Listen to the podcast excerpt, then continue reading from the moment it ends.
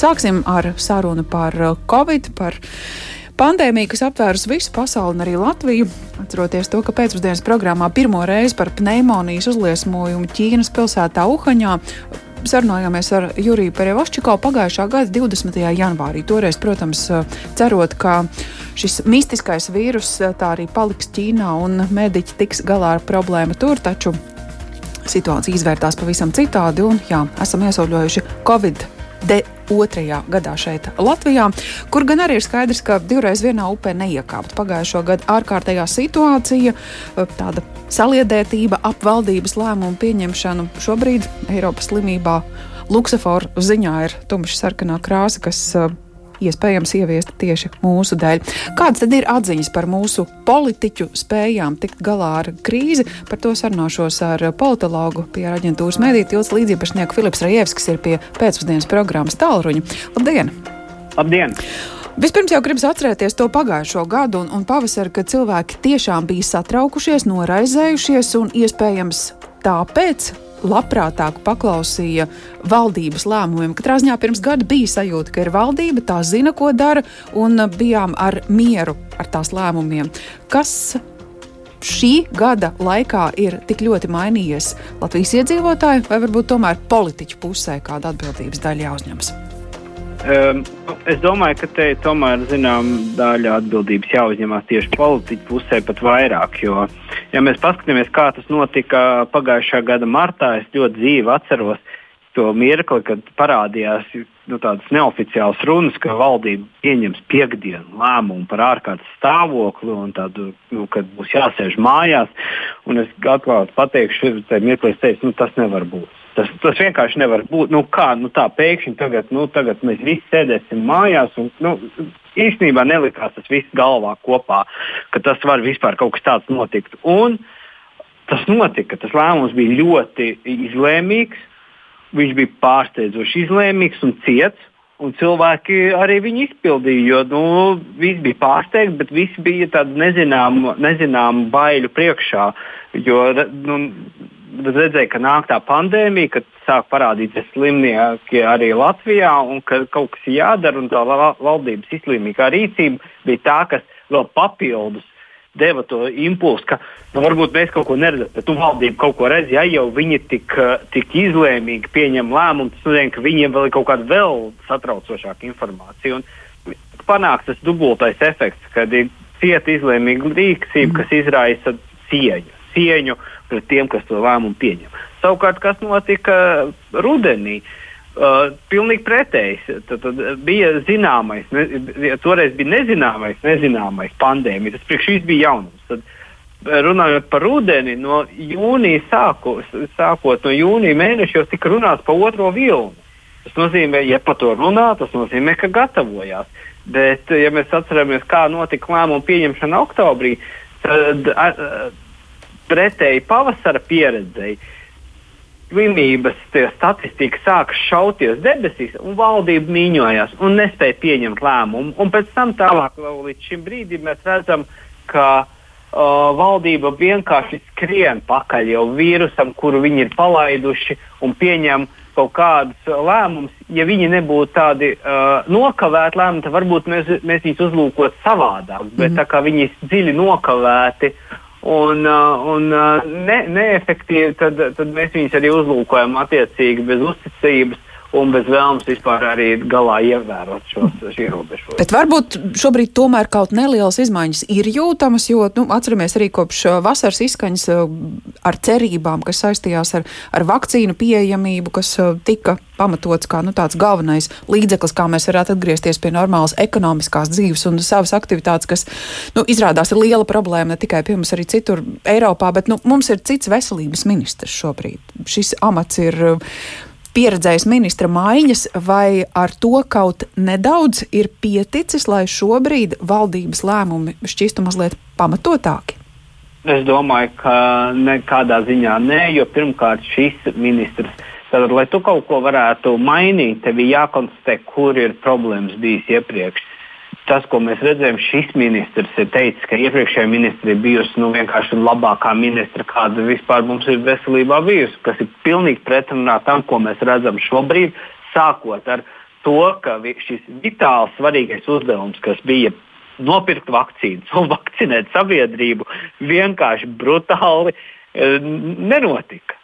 Un tā ir konkrēta cilvēka atbildība, tā skaitā ministra un tā skaitā arī valdības vadītāja atbildība. Un šādā situācijā, nu, protams, kad, kad mēs varam gaidīt, ka jauns ministrs kaut ko ļoti mainīs, bet mēs jau redzam, ka nekas nemainās. Pēc būtības tas veids, kā tas tiek operēts, īstenībā nemainās, un, un, un rezultāts arī nav. Tāpēc arī sabiedrība paliek aizvien apātiskāka un imūnāka pret mm. tiem lēmumiem. Nu, Pikts bija arī valsts prezidents, lai gan pēc tam teica, ka šī valdība tomēr vēl nav izsmēlusi visus savus resursus, tai vēl ir iespēja strādāt. Nu, redzot, ka pandēmijas otrais gads ir sācies un um, tas tik drīz nebeigsies ar visiem slimības ierobežojumiem. Nu, ko valdība šobrīd varētu darīt citādi, kā tā vēl varētu pierādīt, ka tai ir resursi, arī sabiedrības uzticības resursi? No, nu, politika jau ir arī nu, rīcība, kā, kā komunikācijas forma. Arī politika ir raksturīga. Tas nozīmē, ka tev ir kaut kādus soļus, kas, kas pārliecina cilvēkus, ka uh, rītā ja lēmumi tiks pieņemti savādāk un labāk. Nu, Līdz ar to es domāju, ka būtu jāmaina vai nu, vai nu nezinu, jā, jāveic kaut kāda lēmuma pieņēmēja pārmaiņas, nu, personālajā pārmaiņas valdībā, vai nu nezinu, kaut kādas revolucionāras soļi tajās, nu, tajās virzienos, kur mums ir vislielākās problēmas ar buksēšanu. Tas ir no nu, vakcinācijas procesā, tas ir jāpātrina viņš, nezinu, varbūt jādabūs kur ir vakcīnas vairāk, man, man nav ne jausmas mm -hmm. no tāda viedokļa, kā, kā var to panākt. Bet tā problēma ir tāda, nemainot un nerisinot šo problēmu, šīs pārmaiņas tiek prasītas aizvien lielākas. Jo, ja kādreiz varēja ar kaut kādām sīkiem kosmētiskām izmaiņām valdība atrisināt šādas problēmas, tad šobrīd ar katru dienu uh, šīs, eh, šīs, eh, šai problēmai milstot, tiek prasīts arī daudz nopietnāks un lielāks pārmaiņas un daudz radikālāks soļi no valdības, lai atjaunotu sabiedrības uzticību. Tā.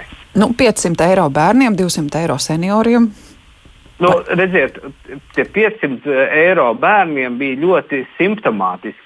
Ja tas būtu noticis, piemēram, pavasarī, es domāju, valdības uzticības reitings būtu izšāvies caur, caur debesīm.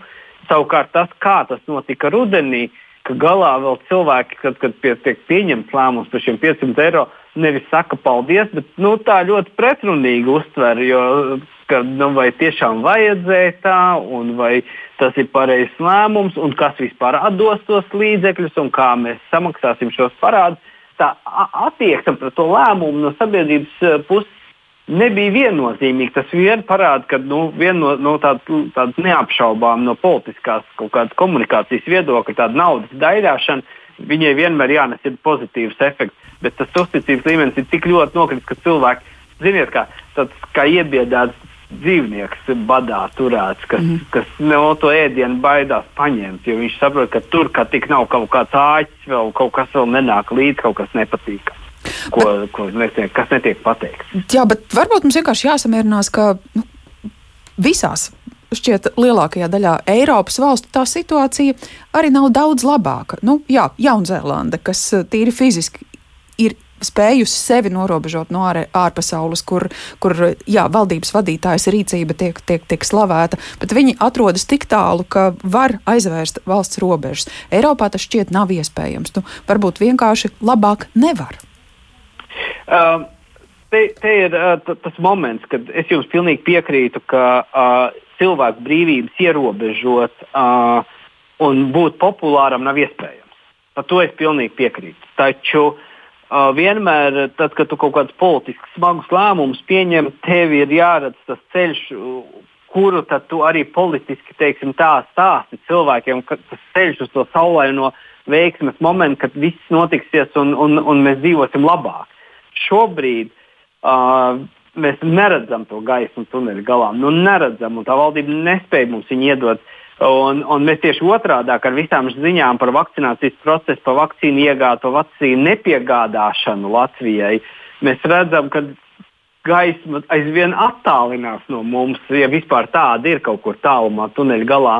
Un, uh, tāpēc tāpēc tā, tā popularitāte arī neatgriezīsies. Jo, protams, kad uh, ir grūti lēmumi, tad popularitāte krītās, bet tad tie lēmumi nes pozitīvas uh, sekas, un tad uh, popularitāte atgriežas. Tas ir normāli politikā, kad uh, valdība nevar būt, valdība nav pieslapnieks, lai visiem patiktu. Bet, bet uh, svarīgi ir tas, ka tu domā tā kā šahā nākošo, katru nākošo gājienu, kurš tad nesīs kaut kādu šo pozitīvo izmaiņu. Un, un te, te man liekas, tas pārsteidzošākais ir, ka valdība ar šo neizdarību, ar vakcināciju pati sev teiksim, tā, kapu roku no tādā ziņā, ka ievelk šo vakcinācijas procesu jau nākošajā saimnes vēlēšanu kampaņā, kas ļoti nopietni varētu ietekmēt saimnes rezultātus. Mm -hmm. Paldies par šo komentāru un skatījumu uz Covid pandēmijas gadu Latvijā. Politologs pie aģentūras mediju tilts līdzīpašnieks Filips Rejēskis pie pēcpusdienas programmas Tauruņa, komentējot politiķu rīcību krīzes situācijā un norādot, ka iespējams kādu ministru maiņas valdībā vēl būtu veicams, jo īpaši ieraugāmies uz strateģiski svarīgajām sfērām.